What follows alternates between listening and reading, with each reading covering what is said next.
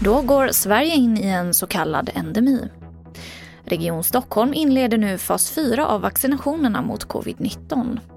Och svenskarna köper färre plastbärkassar.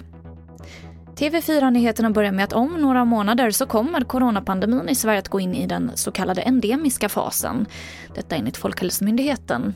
Att pandemin övergår i endemi betyder att smittutbrott bara sker sporadiskt i begränsade delar av befolkningen. Sara Byfors är enhetschef på Folkhälsomyndigheten.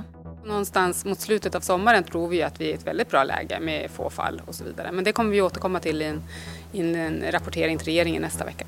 Det kommer ju att synas med att det är färre, mindre sjuklighet i samhället. Det norska folkhälsoinstitutet vill genomföra testkonserter för att kartlägga riskerna för coronasmitta. Det här rapporterar NRK. Och planen är att rekrytera unga personer och hålla konserter med upp till 5 000 i publiken.